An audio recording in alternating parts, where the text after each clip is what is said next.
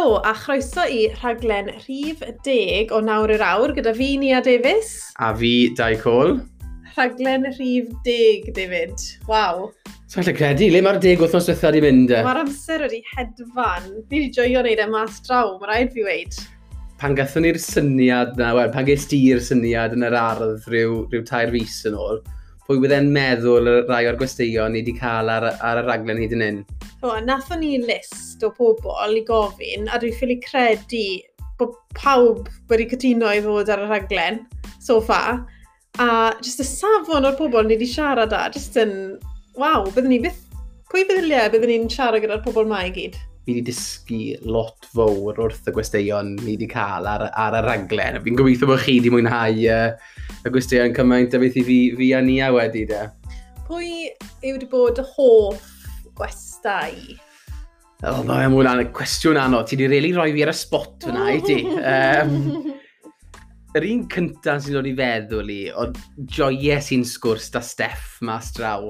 Uh, Steff, Steff Hughes oedd just llifo dde, angofies i bod fi'n bo fi, bo fi bo ni'n recordo a mm. just nath e llifo a ffindies i yrfa fe a beth oedd wedi wneud yn, yn fascinating, ti'n modd? Dwi'n gytuno dy ti, fe yw'r person cyntaf dath i meddwl fi fynd, a na beth joies i, oedd, o'n i ddim yn gwybod lot o be wedodd e wrthau, neu wrth o'n i dylen ni weid, fel o'n i'n teimlo fel bod fi'n really dysgu a joio. Tod, oedd Steff ddim yn anodd i, i sgwrsio da. Sneb, ni wedi bod yn really mm. lwcu, sneb wedi bod yn anodd i sgwrsio da.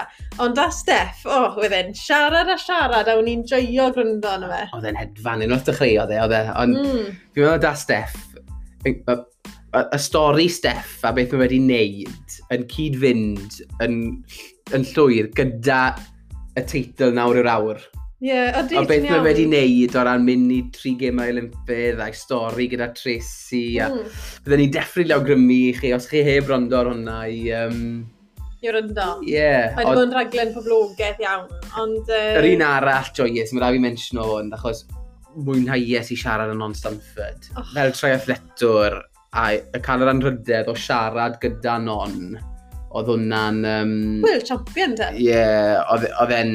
A oedd hi'n mor neis. Oedd hi'n mor neis, um, oedd hi'n lyflu. A, a siarad ei ochr arall y byd, ti'n modd, oedd hi'n Australia. O, oh, dim problem o gwbl i ddod ar, ar y raglen, digon amser da i ni. Um, oedd hi mwy nerfus na ni, fi'n meddwl, achos oedd hi oh. moyn, ti'n modd, neud impression dda, becso bach wedi siarad Gymraeg, ond oedd hi Gymraeg yn briliant. Uh, ti'n modd, oedd hi'n uh, pleser cael ar y raglen? Um, mae pob... Oh, gallwn ni, gallwn ni literally rastru pob un sydd wedi bod ar y siow, dwi'n meddwl. Ni wedi dysgu rhywbeth wrth pawb sydd wedi bod.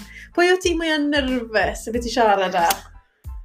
Lowri Morgan. O, fi'n cytuno dy ti yn llwyr. Ond dim byd y beth i Lowri, y ffaith oedd, hi oedd cwestau gyda ni Mae'n enw fawr fyd. A na beth yw job hi yw holi pobl. So fi ydau beth di holi neb o'r blaen, a pwy yw'n i'n holi rwy'n sy'n neud e for a living. Wel, falle hwnna'n bad idea. Saff i weid, taw doi amateur ar y gore.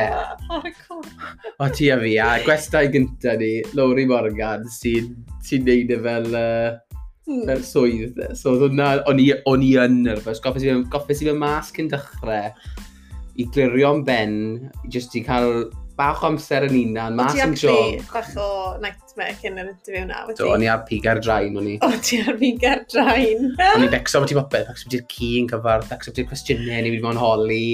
O, dath e, oedd Lowry, tywod. Wel, na Lowry, debyg i Steffna, oedd hi'n dreio siarad, fyd, oedd hi?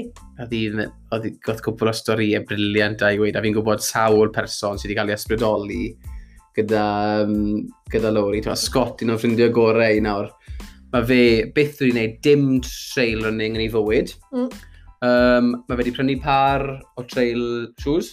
mae fe wedi prynu un o'r bags na. A yeah. mae fe wedi entro'r ultra yn rownd y, rownd y gawer nawr yn mis hydref. So, mae Lowry wedi ysbrydoli, ysbrydoli Scott, a fi'n siŵr bod hi wedi ysbrydoli lot o rai eraill. Os mae wedi ysbrydoli chi, halwch neges i ni, achos yeah. licen ni glywed, tmod, os neu, mae... Neu unrhyw un o gostau eraill ni. Wedi ysbrydoli chi mas yn un mas i redig, neu neu pelltiroedd fwy hir, neu... Mm.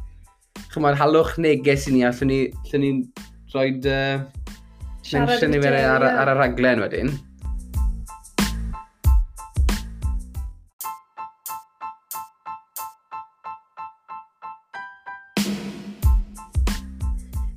troi i siarad y biti nerys, mae bach o newyddion cyffroes gyda ti, David. Os, dwi'n uh, eitha excited i mynd bod fi'n mynd ar y uh, rhaglen nos fawrth de, uh, rhaglen heno ar Espadorec. Um, Byddai'n mynd lan i siarad ar bach fwy beth i'r buddigoliaeth uh, lan yn y Cotswls a hefyd i siarad am y podlais yma uh, nawr yr awr. So dwi'n eitha excited i mynd lan a cael noswaith ar y, ar y soffa lan fy ni. So newch chi'n siŵr bod chi gyd yn gwylio nos fawrth. So, troi at Nerys de. Gwestai ni wythnos yma yw Nerys Jones. Mae Nerys yn ferch lleol i o Aberteifi, a dwi'n credu, David, bod ti'n cytuno bod yn saff i weid mae chwaraeon yw bywyd Nerys. Yn sicr. Mae hi yn gweithio yn y fyddin yn hyfforddi pobl. Mae hi wedi cystadlu dros pryden fawr yn chwaraeon o'r enw biathlon. Nawr i reini ohonoch chi sydd ddim yn gwybod beth yw biathlon, cross-country skiing a seithi. Wel, sa'n nabod sawl person sydd wedi gwneud biathlon o'r blaen, a oedd e'n rili really diddorol i clywed y biti yr er, chwaraeon na'r cystadlu bu oedd hi'n neud dros y byd i gyd. Mae hefyd um, yn cystadlu mewn triathlon a dechreuodd hi gyrfa triathlon hi trwy ennill long course weekend. Wel, na ffordd i dechrau gyrfa. Um, a mae wedi mynd o nerth i nerth ers ni.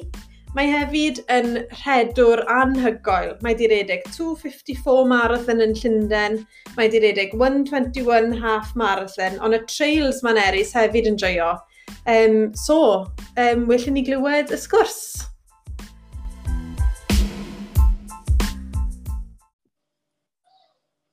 Croeso i'r podlais, Nerys. Nawr, erbyn heddi, ti wedi cystadlu mewn nifer o chwaraeon i safon uchel. Newn ni sôn am rhaid yn hwyrach yn y podlais, ond le nath hwn i gyd ddechrau? O ti'n hoffi neu'r chwaraeon o pethau pan o ti'n ifanc yn yr ysgol neu?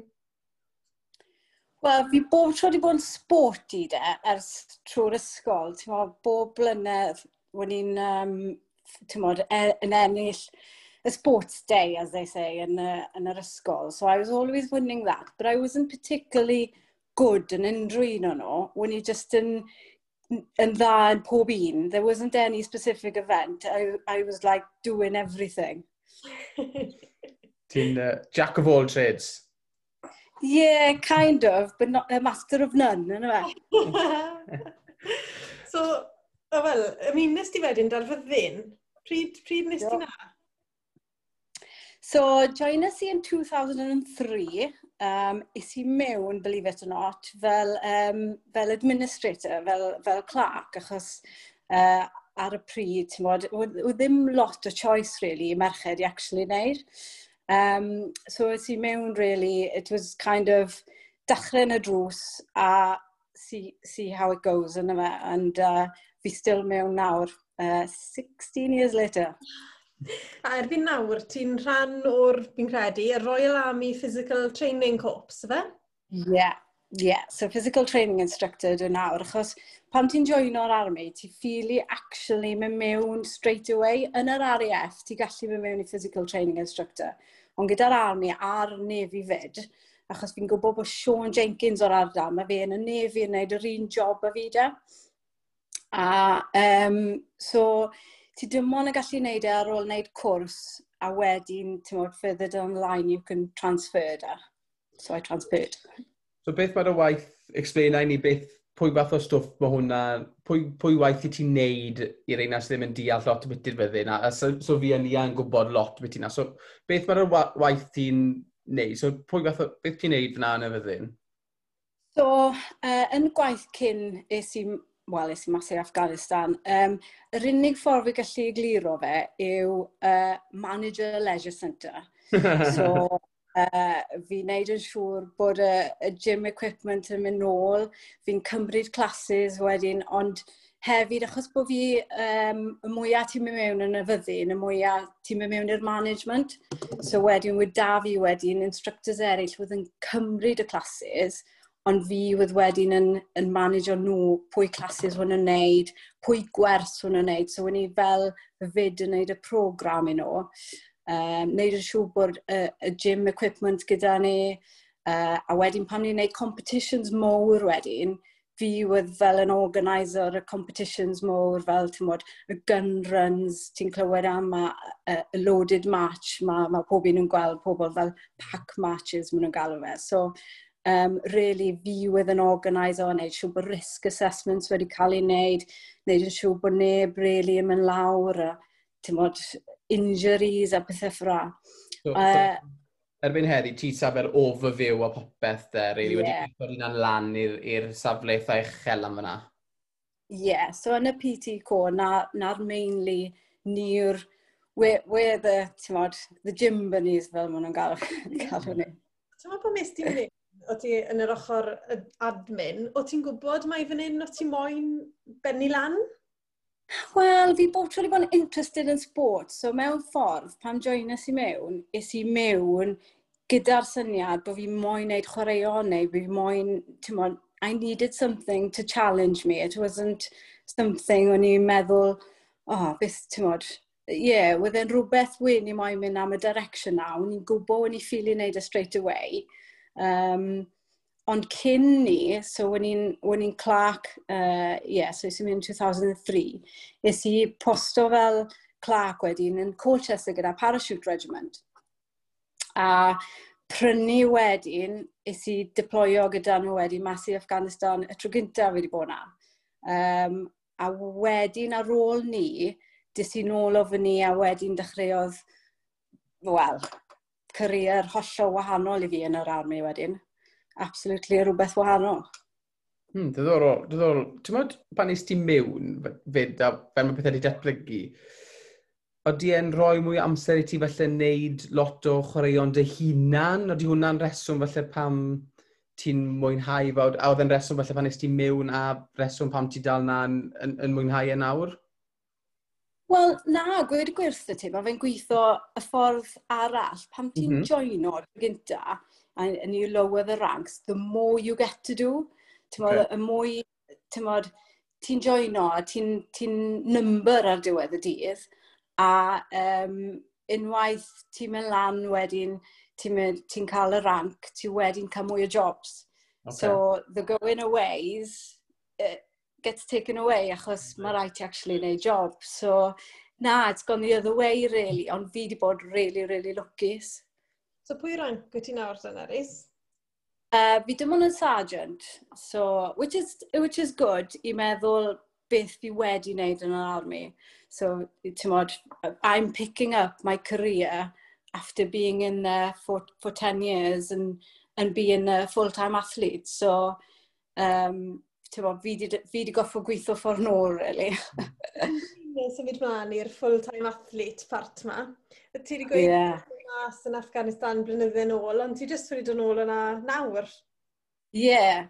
So, wel, i dechrau off da, so pam is i Afghanistan trwy gynta, is i mas fel clac, a, oh yeah, I had the most well, Tavasti lan straight away. Timod, it was, it was a busy, it was uh, combat environment.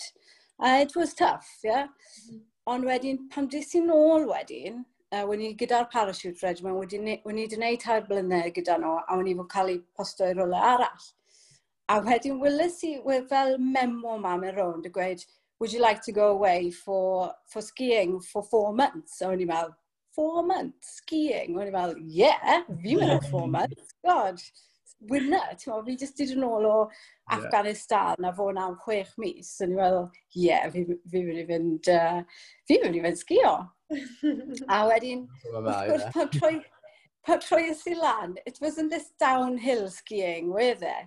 It was cross-country skiing.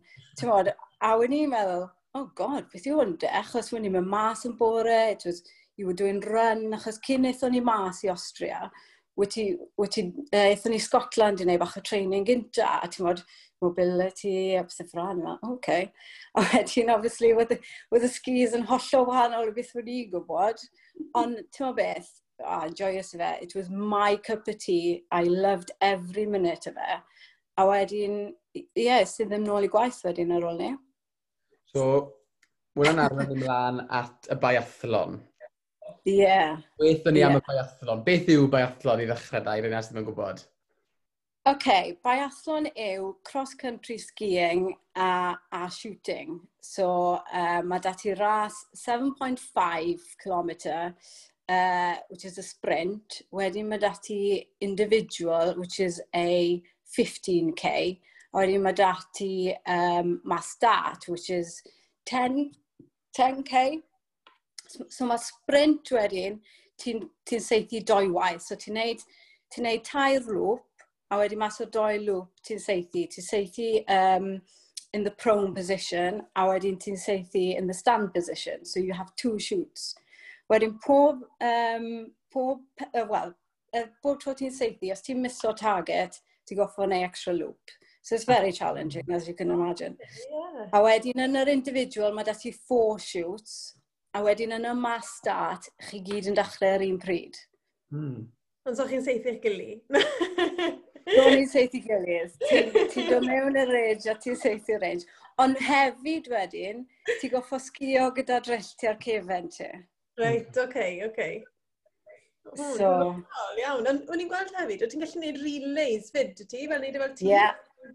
So mae ma relay fyd, mae da fi good memories o, o relay. Um, wait, so mae ma relay yn still yn y sprint format, so mae'r uh, un person yn neud uh, 7.5 a wedyn mae'r ail person, so mae pedwar wedyn yn relay wedyn.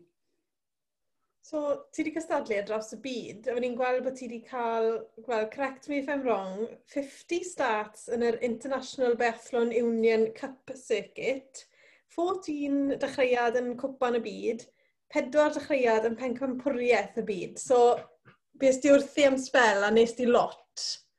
Waw, chi di wneud research chi ydych chi, Judy. Do, so beth... Fi sydd ysgrifennu ag i lam yn i, a just yn just be taken all my glory fan anna. Da, ge. That's, that's impressive. Um, yeah, so beth sy'n really, really lwcus, achos fi, fi'n disgrifo fe fel um, ni y Brits bach fel the Jamaican bobsleigh team. Ni'n ni, ni years tu ôl, uh, the Norwegians, the French or whatever. So, hyd yn oed ni'n wneud ar World Champs, mae still right to qualify o, mae still right to reaching your percentage behind the winner i actually just to get there. A ti'n just to make it to the start line was tymod, overwhelming as it is, heb sôn am, tymod, wneud it to the World Champs. Ond ie, yeah, o'n i'n lwcus, dys i benna mynd i pedwar. Is i un yn, yn um, un gyntaf fi with an... Um, oh, trio meddwl ar... Uh, oh, Rwysia. Un gyntaf fi'n Rwysia. Amazing. Absolutely amazing. Ti'n meddwl, wyn i fel fi gyda superstars fan hyn. A ti'n meddwl, Beyond Darlings, mae'r mae'r stars ma, maen nhw'n incredible athletes, really, ti'n modd, Olympic gold athletes, and I'm just there, ti'n modd, with them, ti'n modd. Uh, yeah, so es i Rwysia trwy gynta fi, I was aware, a wedyn nes i Rwpol in Germany, which is a hometown, nes i eh, uh, Nova Mesto yn Czech Republic, a wedyn benes i lan, nes i Finland wedyn. So, yeah, well, well nice, a uh, good experience, mae'n rhaid i wedi. So, ti'n modd am yr ymarfer ma nawr ar gyfer y, y chysadlaethau mawr ma, bydde ti'n treulio misiodd bant yn y gwledydd yeah. ma, paratoi yn iawn? So, um, pam dechreuais i, wyn i'n, um, wyn i'n, so, mae season ni'n dechrau yn November, a wedyn mae fe'n benni yn March, so that's the racing season. Mm -hmm. So wedyn o April, May is, is your training season lan hyd wedyn November, October. A mae hwn le fi wedi transfero really, triathlon fi really, achos the training was cycling, running, right. swimming, because on dry land, tymod, and we're talking hours, tymod. Um, falle bod chi wedi clywed am polarised training. Mm. And that was kind of the model we were doing. We were training for hours and hours. Yeah. Uh, o, o really march. A wwn ni wedyn, so wwn ni'n byw really... So gyda ni ti pedwar blwyddyn a wedi'n wahanol training. So hal, rhan fwy ar amser when in Germany, uh, ar border Austria, cracking mm-hmm. lle. Tymod, all the facilities were there. A wedyn, when i'n mynd yn gynnar wedyn, wwn mynd i Norway. Um, a Sweden wedyn, just, so allan ni mynd ar eira yn, yn gloi, so allan ni mynd yn eira felly diwedd September gyda'r October. Mm -hmm. So wedyn wedi hala, tymod, wythnosau fy ni. Wasn't cheap mind, but uh, we, we got what we needed really by being on the snow yn gynnar wedyn. Um, Mae pan wyt ti'n cystadlu, ti obviously yn cystadlu i tîm Pryden. Oedd yr, mm. yr army yn involved yn hwn o gwbl da, neu siwt oedd hwnna'n gweithio? So, yr army nhw wedd sponsor ni. So, um, y ffordd yn gweithio wedd, we're releasing the athlete. So, mhm. when i ddim yn cael mwy o arian, ond when i still yn cael y wage fi, mm -hmm. so when i still, still yn cael ei talu, a wedyn unwaith wedyn, when unwaith wedd y season yn dechrau wedyn, i ni'n dod o dan Great Britain circuit wedyn yn y geia, so kind of yn y haf um, when you'n released athlete, basically. Hmm. A mae biathlon yn camp yn y gemau Olympaidd. Yeah. Mm. Hwna byth yn rhywbeth wedi ti'n treial anelu am? Neu oedd achos oedd y safon mor uchel gyda'r, fel ti wedi twtio'r, gyda rai o'r athletwyr o to, Norwy a, a Ffrainc America, neu achos o'n nhw mor beth mlaen, oedd neb o Prydain beth yn gallu mynd i cael saflu, siwt oedd hwnna'n gweithio wedyn? So, with hwn i gyd yn qualifying, so rhaid ti fod yn percentage o beth oedd y person yn ennill. So, if you could get 15% behind the winner, neu 20% behind the winner, uh, 15% with a qualifier i mynd i World Champs. Mm-hmm. A fi'n meddwl, amser y diwetha, na, actually, it was 15%, ond wedyn dechreuodd politics dy mewn. So, mm. problem o da fi mwyaf yw, you had one slot for a person to go on the World Cup. Right. So, os wen ni'n pimp merched, wech merched, uh, i ni gyd yn very competitive rhwng ei gilydd mm. i, i trial mynd ar y World Cup. A anffodus, really, tynod, they'd always choose that one person a ddim rhoi cyfle wedyn i pobl arall. So then, oedd e'n galed i, i, i diseido achos with so ti'n moyn embarrassment o rhaso a wedyn dod yn mell tu hôl, ond wedyn with pan ti'n gwybod ti o'n ffom, mm. but if the two things don't come together, the skiing and the shooting, hmm. your, your position tymod, sy'n mae bob tro'n dod dy gilydd, rhai weithiau gyda e ti diwrnod le o ti'n seithi dda, ti wedi clirio, ond os na ti wedi clirio, ond ti'n sgio'n really fast, mm. um, it, it was always one or the other. Yeah. Ond beth sy'n ddiddorol ybty fe, dim un chance, un, os ti wedi cael ras sy'n really, really gwael, ti'n gwybod wedyn, o, oh, lla'n ei well ras nesaf, mm. achos wedyn ni o bob weekend. Okay. Mm. Uh, Wedd very intense, very, very intense, ond sy'n dim ras uh, le ti'n lle gweud, so ti'n gwybod beth sy'n mynd i ennill. Mm -hmm. Ti'n modd, mae siwgw mynd o elements, uh, mae rhaid i'r skis fod yn fast. Os mae da ti, ti wedi cael y wrong skis arno, um, os mae'n really gwyntog a ti'n gwybod, ti'n mae fe'r un peth, os pan ti'n mas ar y beic, ti'n gwybod bod amser ti'n mynd i fod yn slywach, wel, ti'n gwybod gyda'r gwynt, os mae mm. hwnna'n mynd i wythu, mae bwlet ti'n mynd i fynd god knows le. ti'n mynd i so'r target. Ond rhai weithiau, e, mae fe gweithio, ti'n bod, works yeah. to your benefit, a ti'n meddwl, o, oh, Mrs. Fel, o, oh, ath hwnna lawr a ti'n lwcus. Um, a so, that's what was more challenging am biathlon yw mm. mae bob tro chance to. Mae chance fori, neu mae chance o ddysysa. Ti'n modd, um, ti'n cael y disappointment ar ôl y ras, ti'n modd, that, that came every time. Ond wedyn, pam ti'n cael ras good, with endorphins yn mor uchel, a ti'n meddwl, yes guys, you can do anything, ti'n modd. So, symud mlaen wedyn dweud trethlon, ti wedi touch fyna bod bach o overlap rhwng y biathlon a'r triathlon. Um, fi'n cofio tro gynta i fi weld ti'n cystadlu wedd 2014 yn ystod y Long Coast Weekend.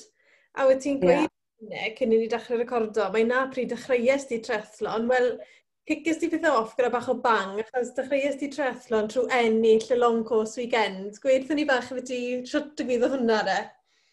Wel, ti'n gwybod beth, so wyn ni'n dod nôl am doi wythnos, a fel ffordd o fel, wel, dim easy week, ond just, wedi ni'n gwybod wrth o rai fi treino pam dis i nôl. Mm -hmm. A digwy bo, we ffrind fi, Becky Ho, wedi ennill y, yr un ras, a na sio ti'n ni'n gwybod ydy fe, achos wedi'n meddwl, o, oh, mae hwn di ennill ras yn, ti'n modd, yn agos i le dwi'n byw. Mm. Um, A wedi'n meddwl, o, oh, reit, lla i wneud ras na, pa fi do gytre ar, ti'n modd, ar wythnos off fi. I think, uh, fi'n meddwl fyd, y blwyddyn ni, wedd ddim coach da fi, achos wedd e di benni, so I was self-coaching that year. So, o'n i'n trial wneud gwmynt o pethau o'n i'n gallu wneud wrth hynna fi.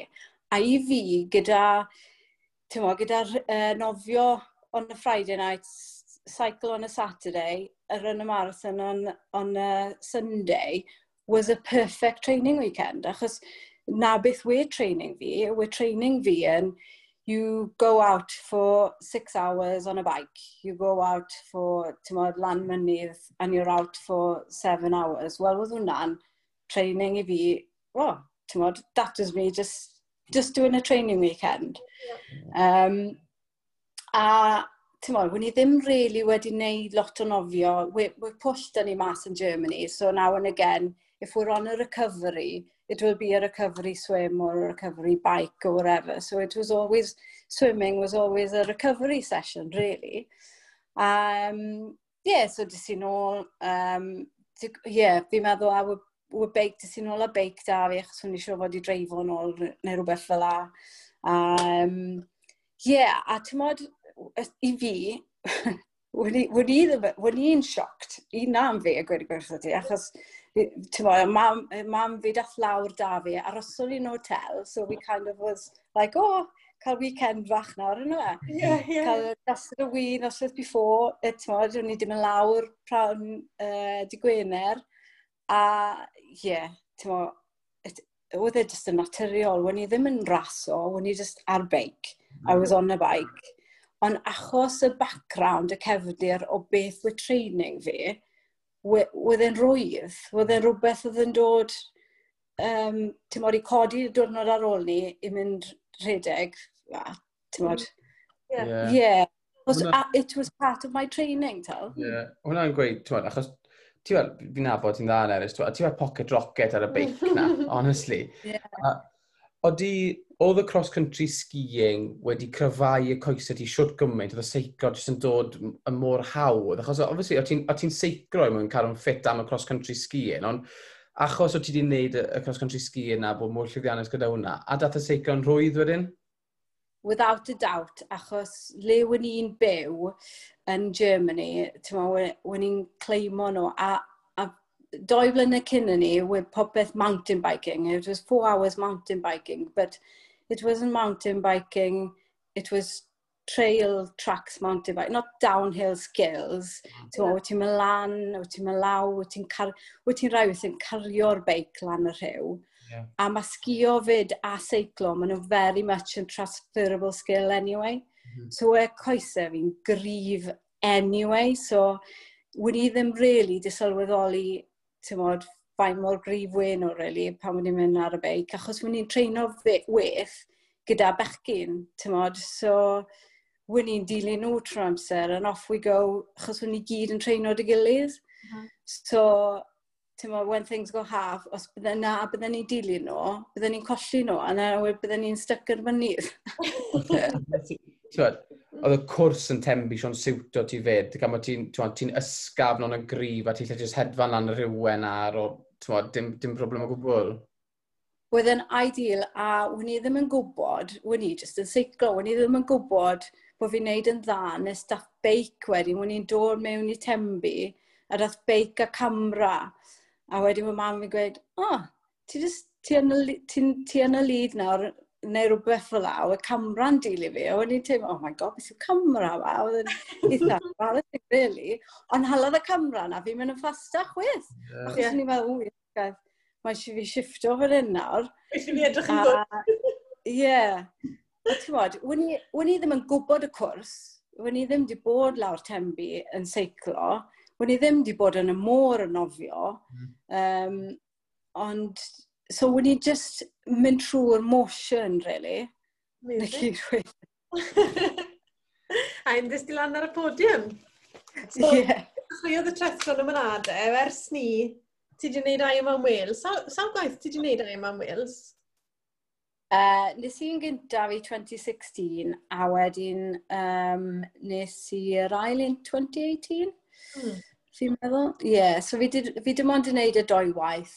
A, um, When i, when i mewn good siap am nes fed gyntaf, wyn i dala nôl o wneud e, oedd e'n big hype, ond aros y sy'n o'n i wedi bennu, um, wel, wedi, wedi wedi retairo o biathlon de 2014-2015, a wedyn 2016 nes i neu Ironman. ymlaen. Is i Wiesbaden, a uh, nes i 70.3, hmm. a mm. ges i good ras fyna, qualifiers i Kona fyny, Um, so wedyn wwn i'n meddwl, o, oh, fi, fi mewn digon siap nawr, llai, mm. llai mynd i wneud, llai mynd i, achos wwn i'n gwybod y cwrs o, o long course weekend anyway. Um, a y gweud y gwir, ath y diwrnod yn perfect. Oedd y blwyddyn na, 2016, efo hwnna oedd y blwyddyn tywy neis, neu na? Ie, yeah, perfect. Perfect water. Ti'n bod, sa'i ni'n sy'n nofio, ond ges i cario rownd yn ofio. Mm. Tymod, nes i, nes i one, ah, sa'n siŵr fe, 1.15 neu rhywbeth fel la, ond dim fi oedd yn ofio a gweud gwerth ti. honest to God, dim fi oedd yn ofio, when i literally di cael ei cario rownd, achos oedd e, yn, oedd yn mor, mor calm, um, honestly, dim fi'n ofio dwrnod na. So, fi'n meddwl, efe 11.45 nes ti flwyddyn na, Eris? Ie, yeah, achos oedd fi um, uh, Porth Gaim, a wedoi o'n i wedi dod mewn uh, dy gilydd. Uh, so, a wedyn bynnes i, o'n i'n meddwl, oh my god, tym hwn yn iachu sy'n corff neu o gwbl. Ti'n mm. wedi doi fel, oh my god. Ond ges i, ges i, ges i, i diwrnod perfect, ges i good run, ges i good bake, uh, everything. A wedyn mewn galed wedyn, i mynd nôl to when mm. you've had such a perfect day. Ie. Yeah. Dwi'n mwyn amser parchus iawn, Oeddi ti'n meddwl ei di nôl i wneud un arall Cymru to? Fi'n meddwl, ti wedi wneud sawl ai mae'n ersyn rwy'n man i'r nawr, ond oeddi Cymru dal yn apelio i ti'n mynd nôl i wneud yr atmosfer yn briliant y beth yna, ti'n meddwl? Oh, mae'n amazing, ti'n meddwl, fel home crowd, mae fe'n amazing ond mae fe mor galed i entro. Mm. O, oh, fi'n gwybod, mae rhaid ti entro ar y diwrnod, ys e? Hmm. Ie. Yeah. Chos trias i fe, a wel, wyn i'n gwybod wedd, ti'n modd, trias i fe last minute falle, a wedyn, a, ah, wedi cael gwerthu mas straight away, so wedi'n meddwl, oh, okay. Oh. Lle, maybe not then. well, mae triathlons wedi mynd, a Ironmans especially, wedi mynd mor fla, os na wyt ti'n plano, blwyddyn o flan law, a bob yna, falle, ar y diwrnod le mae mae Awstria yn poblogaidd, mae Roth yn poblogaidd, mae... Os na wyt ti na, Cymru lenni, tod, a ti ddim yn ymlaen, Barcelona, ti, os na wyt ti moyn fod na, bwff, ar y diwrnod, geid i ddim spot, ti'n modd, mae wedi mynd mor cymaint o beth nawr. A na pam mae redeg, wel, wy'r redeg ar arfer yn god, achos wyt ti lle rhoi lan ar y diwrnod. Ie, ie. Mae hi'n mynd hwnna'n dechrau mynd nawr, ie. O ti, mae fe. So Iwan yeah. Talyn, Estonia, yw uh, PB TNI yma, na fe? Ie. Yeah. Um, Ti'n modd y cwrs flat as pancake, um, os ti moyn ras, dde ti, ti really moyn pwysio di unan ti a stico i'r numbers a um, okay, mae run bach yn, yn twisted but it's fairly, timod, you can still keep your pace uh, eitha good. Um, digwydd bod, ges i, ges i downer really pan mes i mas i Aiman Nis, ges i food poisoning, mhm. a uh, es i'r stat line, o'n i fel, oh, they're doing a big mistake for hyn, achos o'n i dehydrated. Yeah. A wedyn, um, ond, ti'n modd, o'n i moyn, oedd Aiman Nis, really, yn ideal i fi, achos y beic yn tymod, yn hili o whatever else. Ond with grŵp o'r army yn, yn mynd mas i Talyn a um, yeah, jwmpus i ar y bandwagon a si, yeah, okay, fi, fi digon ffit i hwn achos hwn i wedi treino i'r um, i nis. Mm.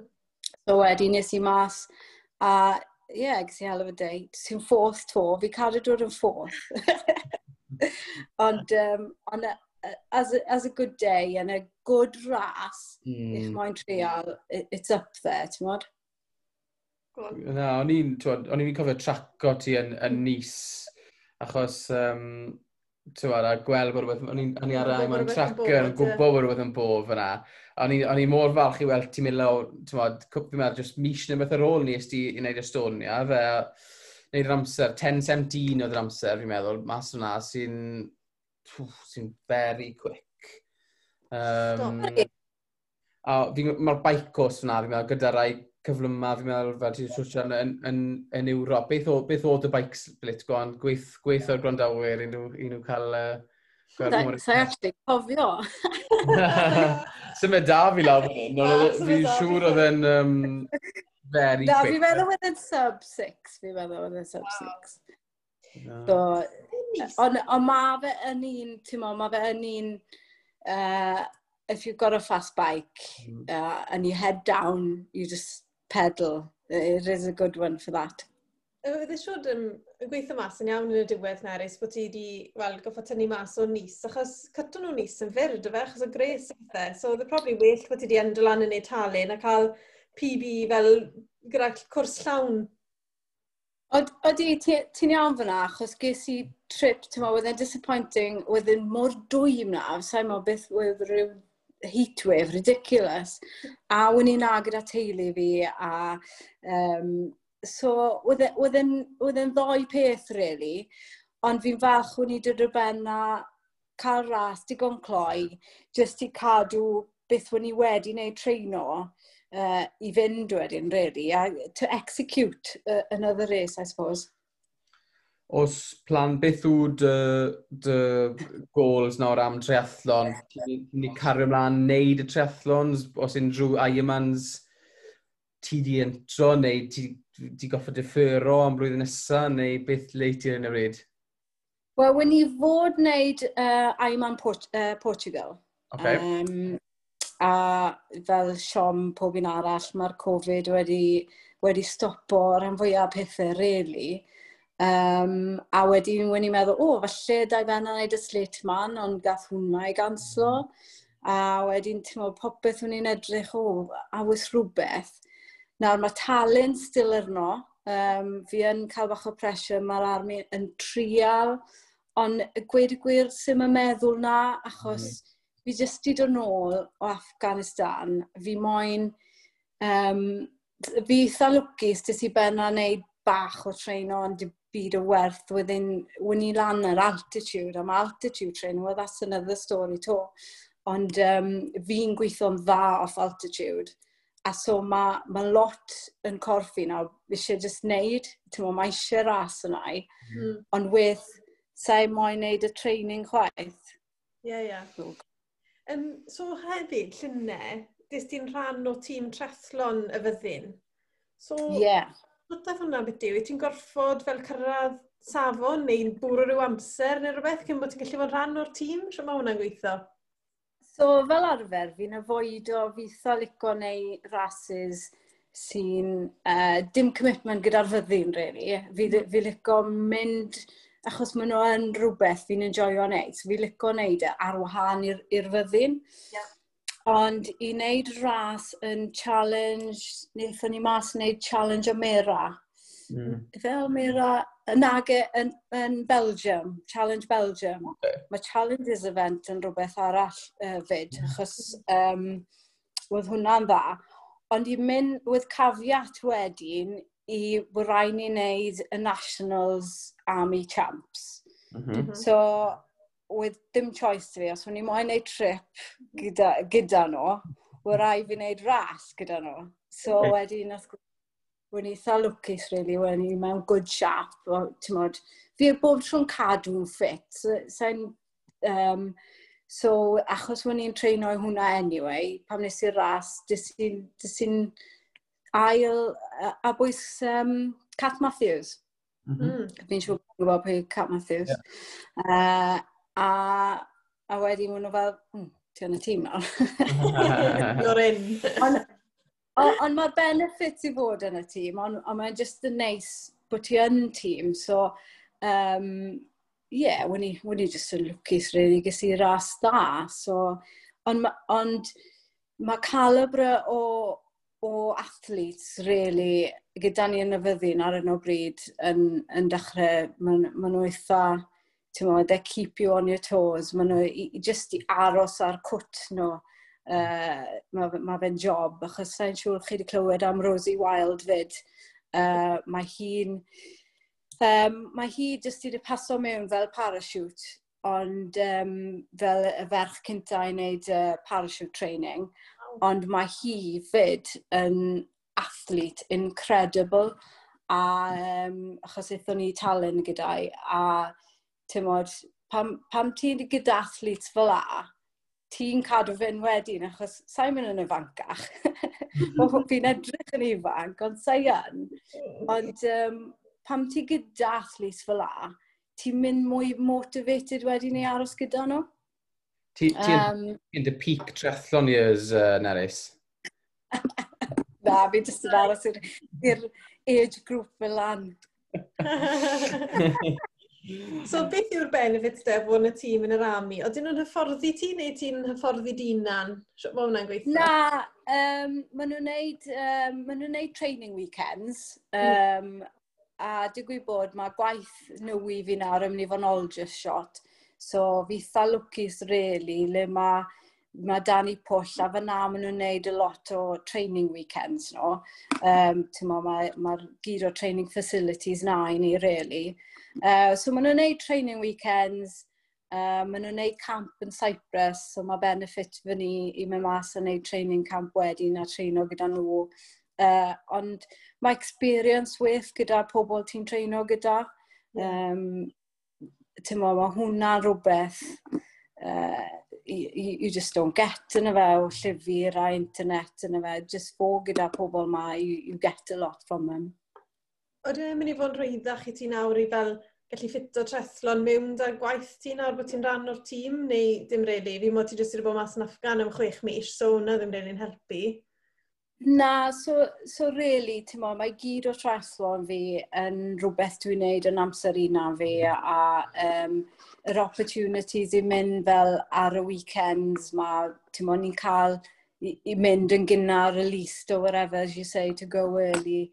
Ond um, nawr le dwi yn yn career fi, fi goffod neu bach o waith, achos I wedi neud lot o gwaith. beth, beth arall, Nerys, ti wedi cael lot o llwyddiant yn, yn redeg, a fi wedi ti'n joio redeg. Fydde ti'n gweud y redeg ti'n joio fwyaf mas o'r... Ie. Yeah.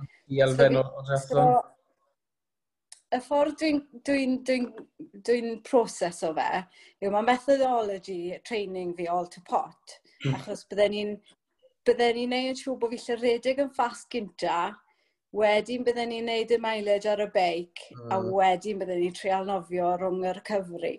So mae proses fi yn all to pot, really. Ond na le mae enjoyment fi, so um, rhedeg comes first, achos na beth fi lico mwyaf. Mae'r beic yn dod yn naturiol achos bod coesau'n grif o'r sgio, a, a wedyn mae nofio yn... Well, Nessus rhydd fel, fe maen gweud. Nessus yeah. fel, fe. Fi'n sylwi, ti wedi gwneud uh, Marathon Llundain pob blwyddyn, fi'n meddwl, ers um, 2013. Ia. Yeah. Wel, amser gorau o beth ni wedi edrych mewn i fan hyn o stats ni a yw 2 awr a 54 munud. Ie. Yeah. Uh, eitha good going. Eitha good going. Be sy'n denu, ti'n ôl na pob blwyddyn i'n neud Llundain? So fi eitha proud o'r 254 na, a, a 2016 yn blwyddyn ges i, we, le wedd, wedi gyd o blynydde o sgio fi, uh, wedi dibynnu hwnna, wedi mynd o un ras i'r llall, a wyr hynna fel yn intensity fi, ond pob ras wna'n i'n wneud, wna'n gwella, achos mm. nes i fel y man versus horse. 2016, y blwyddyn nes i'r Llundain, nes i'r man versus horse, um, dys i'n trydydd yn hwnna. Wedyn nes i Snowden, dys i ar ôl wneud yr aio, nes i, i Fisbad yn wneud 70.3, dys i'n ôl nes i aio man, a wedyn nes i Snowden wedyn yn 320, a dys i'n trydydd yn ni. Ond with 2016 yn just unbelievable. Mm. So hmm. fi Fi bob tro'n meddwl am y 2016 a mae fe'n bob tro dechrau gydalen y marathon. Mm. So, os dwi'n cael y rhedeg fi mewn siap uh, yn Llundain, fi'n gwybod wedyn, fi'n mynd i cael gwrdd blwyddyn, o fi'n gwybod le i mynd, mm. le mae safon fi wedyn o fyny. Fel fi'n gweud, mae methodology fi'n ollol to pot. o'n i'n edrych ar results ti, A dim ond un blwyddyn dwi byth di wneud London Marathon. In fact, yr unig stand-alone marathon dwi byth di wneud. Wnes i fe'n 2018, a mae'n siomedig achos o'n i'n moyn fod mwy agos i pedwar awr, a o'n i dros pedwar awr a hanner. A wedyn mynd i'n edrych ar results ti, a nes di 3.19 y blwyddyn na sy'n amser mwy a slow ti, ti wedi gwneud yn London Marathon, a o'n i fel, o, oh, okay, de, dim just fi oedd yn slow blwyddyn na, achos oedd hi'n dwrnod rili really dwy'n fo dde, so um, o'n i'n falch pan weles i na, o'n i fel, okay, dim just fi oedd e. Ti'n mo beth, pob person oedd wedi gwneud y diwrnod na, wedi, ti'n mo, benni fe yn, yn llwyddiant. Yeah. Ti'n mo, oedd e mor dwyf. Dwi'n cofio, fel cwpl o wythnosau cynni, oedd eira dyn ni, oedd e? O'n i, yeah. o'n i am as yn treino yn yr eira.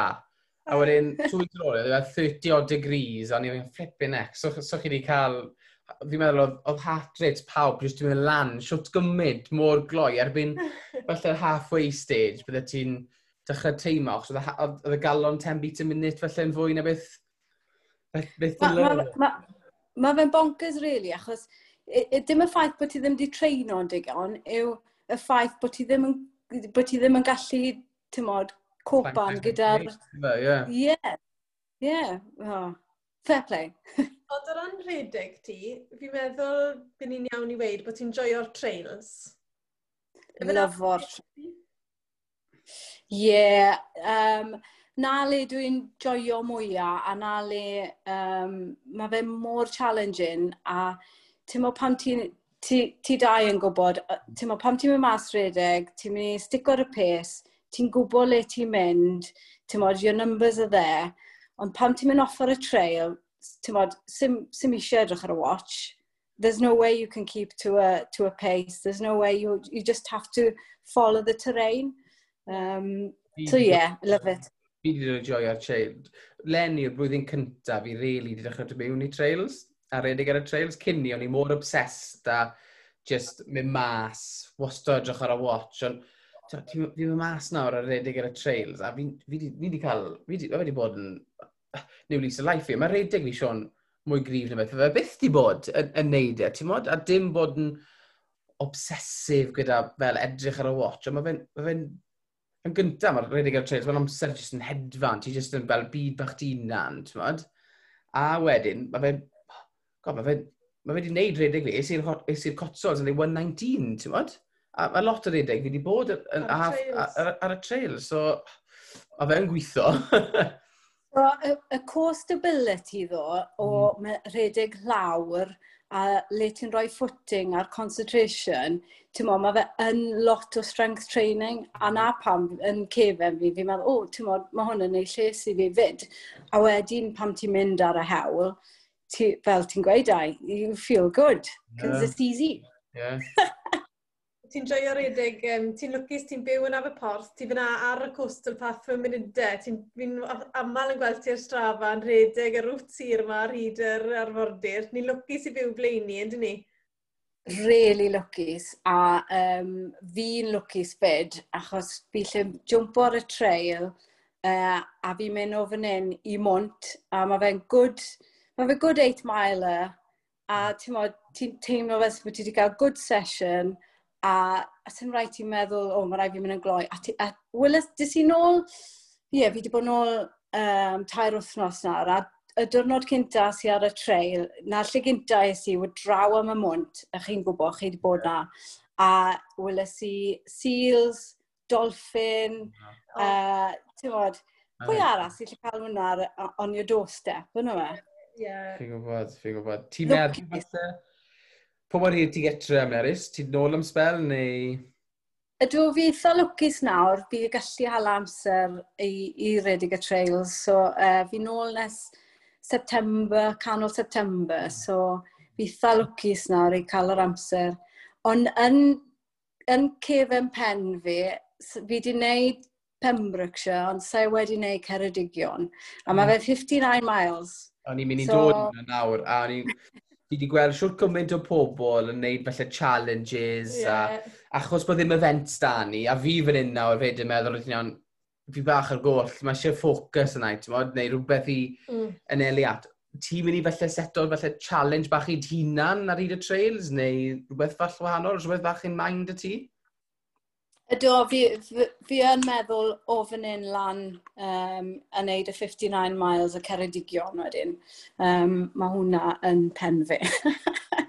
It's the seed been planted, boy. Sut fydde ti'n neud hwnna? Fe ti'n, wel, wyt ti'n mynd i redeg y 59 miles yn one go neu ti'n mynd i cyto fel lawr? So, so fi'n meddwl gynta, um, nine sections, so fi'n mhm. gwybod wedyn beth sy'n dod. Fi'n gwybod o fan hyn i cei Ceynowi, fi'n gwybod e, fi'n gwybod pob rhan o'r, or section, fi wedi wneud e siw gwmynt, fi'n gwybod beth sy'n dod, ond o cei Ceynowi lan, sa'i quite yn siŵr, so um, yeah, byddai'n byddai torri, definitely torri fy lan, achos yn pen fi, fi moyn gwybod pwy fath o, um, ti'n beth sy'n mynd i fod dod o flan fi de, and then see then, I think.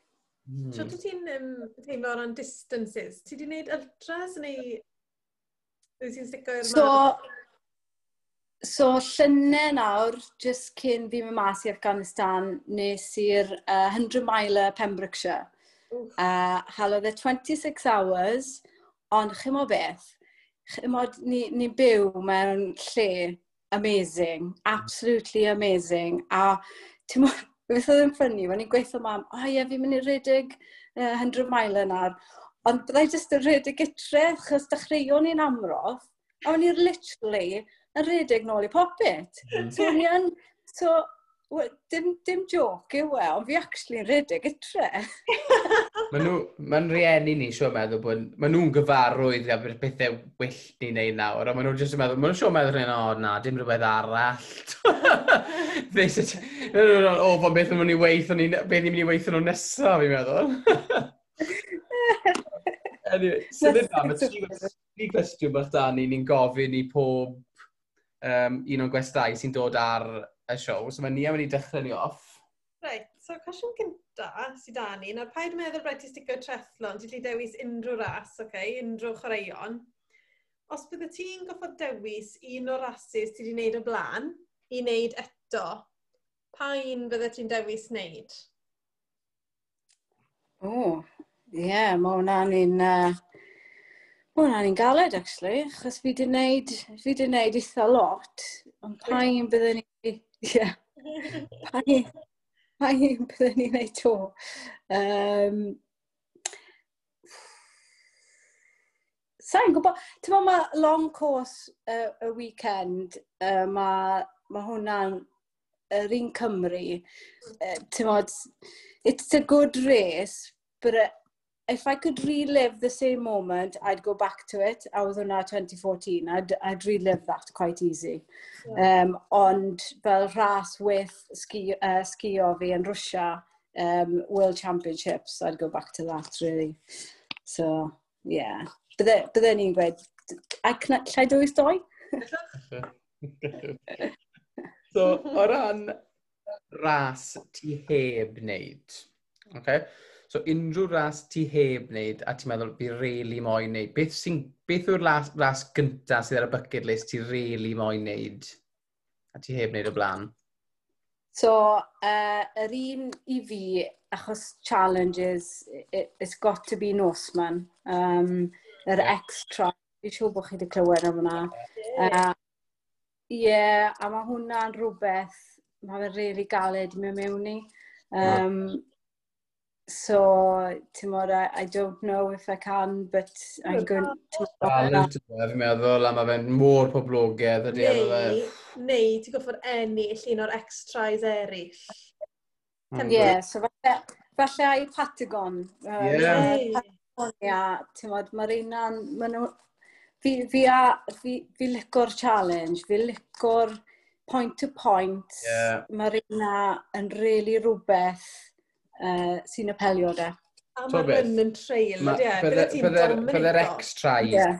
do ti oh. lawr i'r ddeiar. ti'n meddwl, Gyda y Canada man neu y Patagon man neu bydde'r reina jyst yn, they're right, right lan, right up your street dyn nhw, ti'n mynd? Mae'n nawr os e Himalayan man, fe, fflafyd, oh my gosh. Ie, fi wedi clywed am hwnna, ond sa wedi gweld yr adverts, so falle ie.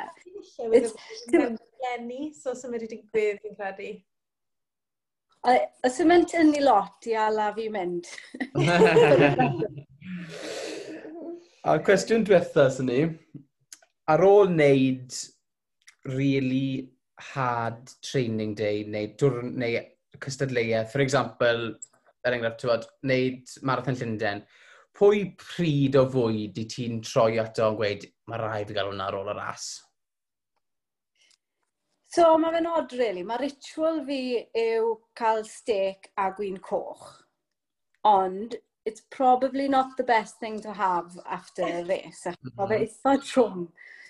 so, bob tro'n crefan, mae hwn yn odd nawr, either sandwich caws neu sandwich ham. Oh, lovely! It's a little thing. Os bydde ti'n mas am bwyd, nos oedd e rôl, bydde ti'n stecken a chips a glasod y gwyn coch. Yeah. 100%. A beth bydde yeah. y pwdyn? O, uh, bydde fe'n chocolate brownie neu rhywbeth chocolate, rhywbeth, ti'n modd, bydde athlet ddim yn bita, ie. Yeah. Diolch Nerys, fi wedi joio siarad ydi mas draw. Fi'n siŵr gallwn ni wneud fel tri episod yn siarad y ti rhwng y biathlon, y triathlon a redeg, ond fi wedi really joio hwnna.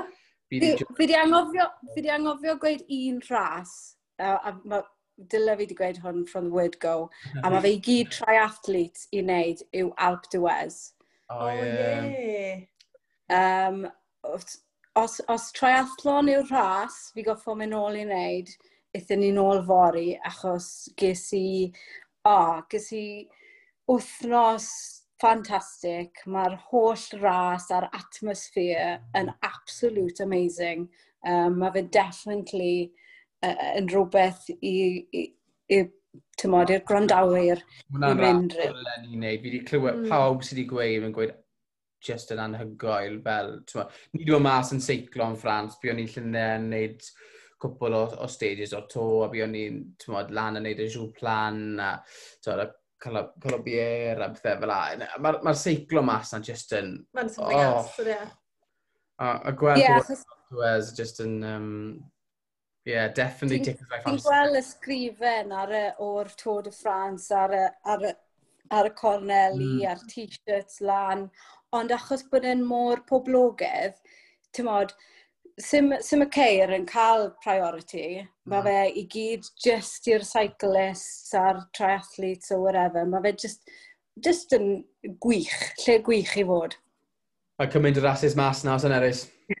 o, mae ma loads. Cymaint, mae Sian, mae Sian i just fel poso gwaith mae bobl fla, just mynd mas i just byw oh. bywyd a just neud ras ar ôl ras ar ôl ras. Yn enwedig ar ôl ni colli flwyddyn len, yeah. mae gwaith dal y lan yn ei wneud nawr, oes e? Dim mod.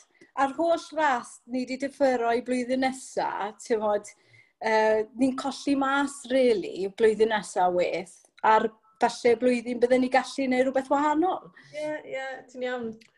Diolch am amser, fi wedi joio'r sgwrs yma straw. sorry, sorry, fi wedi wafflan. Na, dim yn gwybod. Dim yn gwybod. Thank you.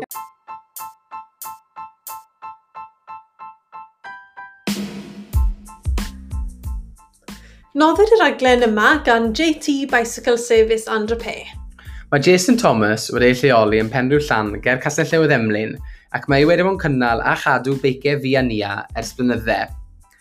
Mae wedi gweld nhw yn tipyn o chyflwr hefyd yr adegau yn ymwedig ar olau am yn coc yn Iwerddon llynau, ond mae'r beics wastad yn dod yn ôl fel newi. Sa'i byth yn teimlo'n sili yn gofyn unrhyw cwestiwn i Jason ac mae wastad digon o amser dy fe i esbonio popeth. Mae fe hefyd wedi helpu ni i paco'r beics mewn i focsys cyn hedfan tramor. Dwi eitha ffysu ynglyn â pwy dwi'n gadael yn agos i'n feic, ond dwi'n ymddiriad ac yn dibynnu ar Jason a dwi e byth yn gadael fi lawr. Mae wybodaeth am sram y tap yn arbennig.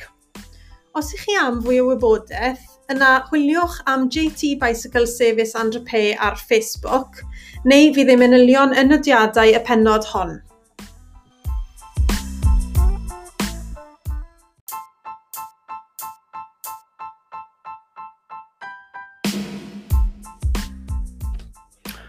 Wel, ni, sio joyous di'r uh, sgwrs na gyda, gyda Nerys? Do, oedd yn lyflu siarad gyda Nerys. Mae'n ferch mor, mor neis a sy'n mot faint o lwyddiant mae Nerys yn cael. Mae still yn down to earth a sy'n mynd un sy'n bragian am ei llwyddiannau. A mae digon amser da i pawb. Fi'n cofio dros nadolig, ti'n meddwl, i fas i seiclo gyda fi a Brian ni, cadw cwmni ni pan o'n ni'n trial wneud y challenge. Um, sy'n mynd edrych lawr at neb na meddwl bod ni'n well na neb. Na, so'n bragan, mae ti'n byd o ddi, so'n mae mor modest, a doth hwnna'r gros yn y, yn y raglen. Mod, so, mae wedi gwneud cwpl o amserau anhygoel yn y, yn y marathons a'r Ironmans, ond na, ddi mor down to earth, a ddim yn bragan bod ti'r amserau na, na o gwbl. A, to, beth dath yn gros i fi de, oedd yn mor, mor diddorol, oedd y crossover rhwng y biathlon a'r seiclo a ti'n modd o wahanol sports mae wedi mae wneud.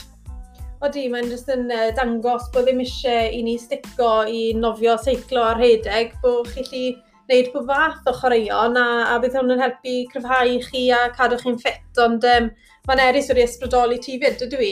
Odi, fi'n meddwl, to, fi wedi bod bach ar goll, a ti'n gwybod ni, yn trewilo am pethau ers, ers y cotsols. Um, sim lot o cystadlaethau mewn mlaen, mae Weymouth newid cael ei ganslog dar Ironman, yma Centre 3 Um, ma, ma... Ond Ti ddim yn neud yna? Na, ond just, ma, just enghraifft, ti'n modd o pethau mm. sy'n... Hmm. Ti'n modd, o'n i ddim yn mynd â'n ei wneud yna, ond ti'n modd, mae fe'n ma fe neud ti feddwl a dylen i fod yn entro events, achos o ti moyn yr events yn bild o lan blwyddyn nesaf wedyn fyd, achos mm. ti ffili teithio i Ewrop achos o quarantine nawr, o ffili dyn ôl, ffili mynd i Ffrainc, ffili mynd i'r Iseldiroedd, so... Mae ddim lot yn mynd mlaen, ti'n modd, so meddwl am, am challenge fach, a ni'n ffodus o le ni'n byw ar yr arfordir, a ydw, fi'n meddwl ar ôl siarad Nerys, mynd o, o Aberteifi lan i Ynys Las ar hyd yr ar hyd arfordir Ceredigion de, a redeg, redeg y coastline. Lyfli, gobeithio gei di um, gwrdd tywi a fi a Charlie yn mynd i dod i cwrdd â ti a ni'n mynd i cael nosaeth yn Aberystwyth ar ôl ti benni.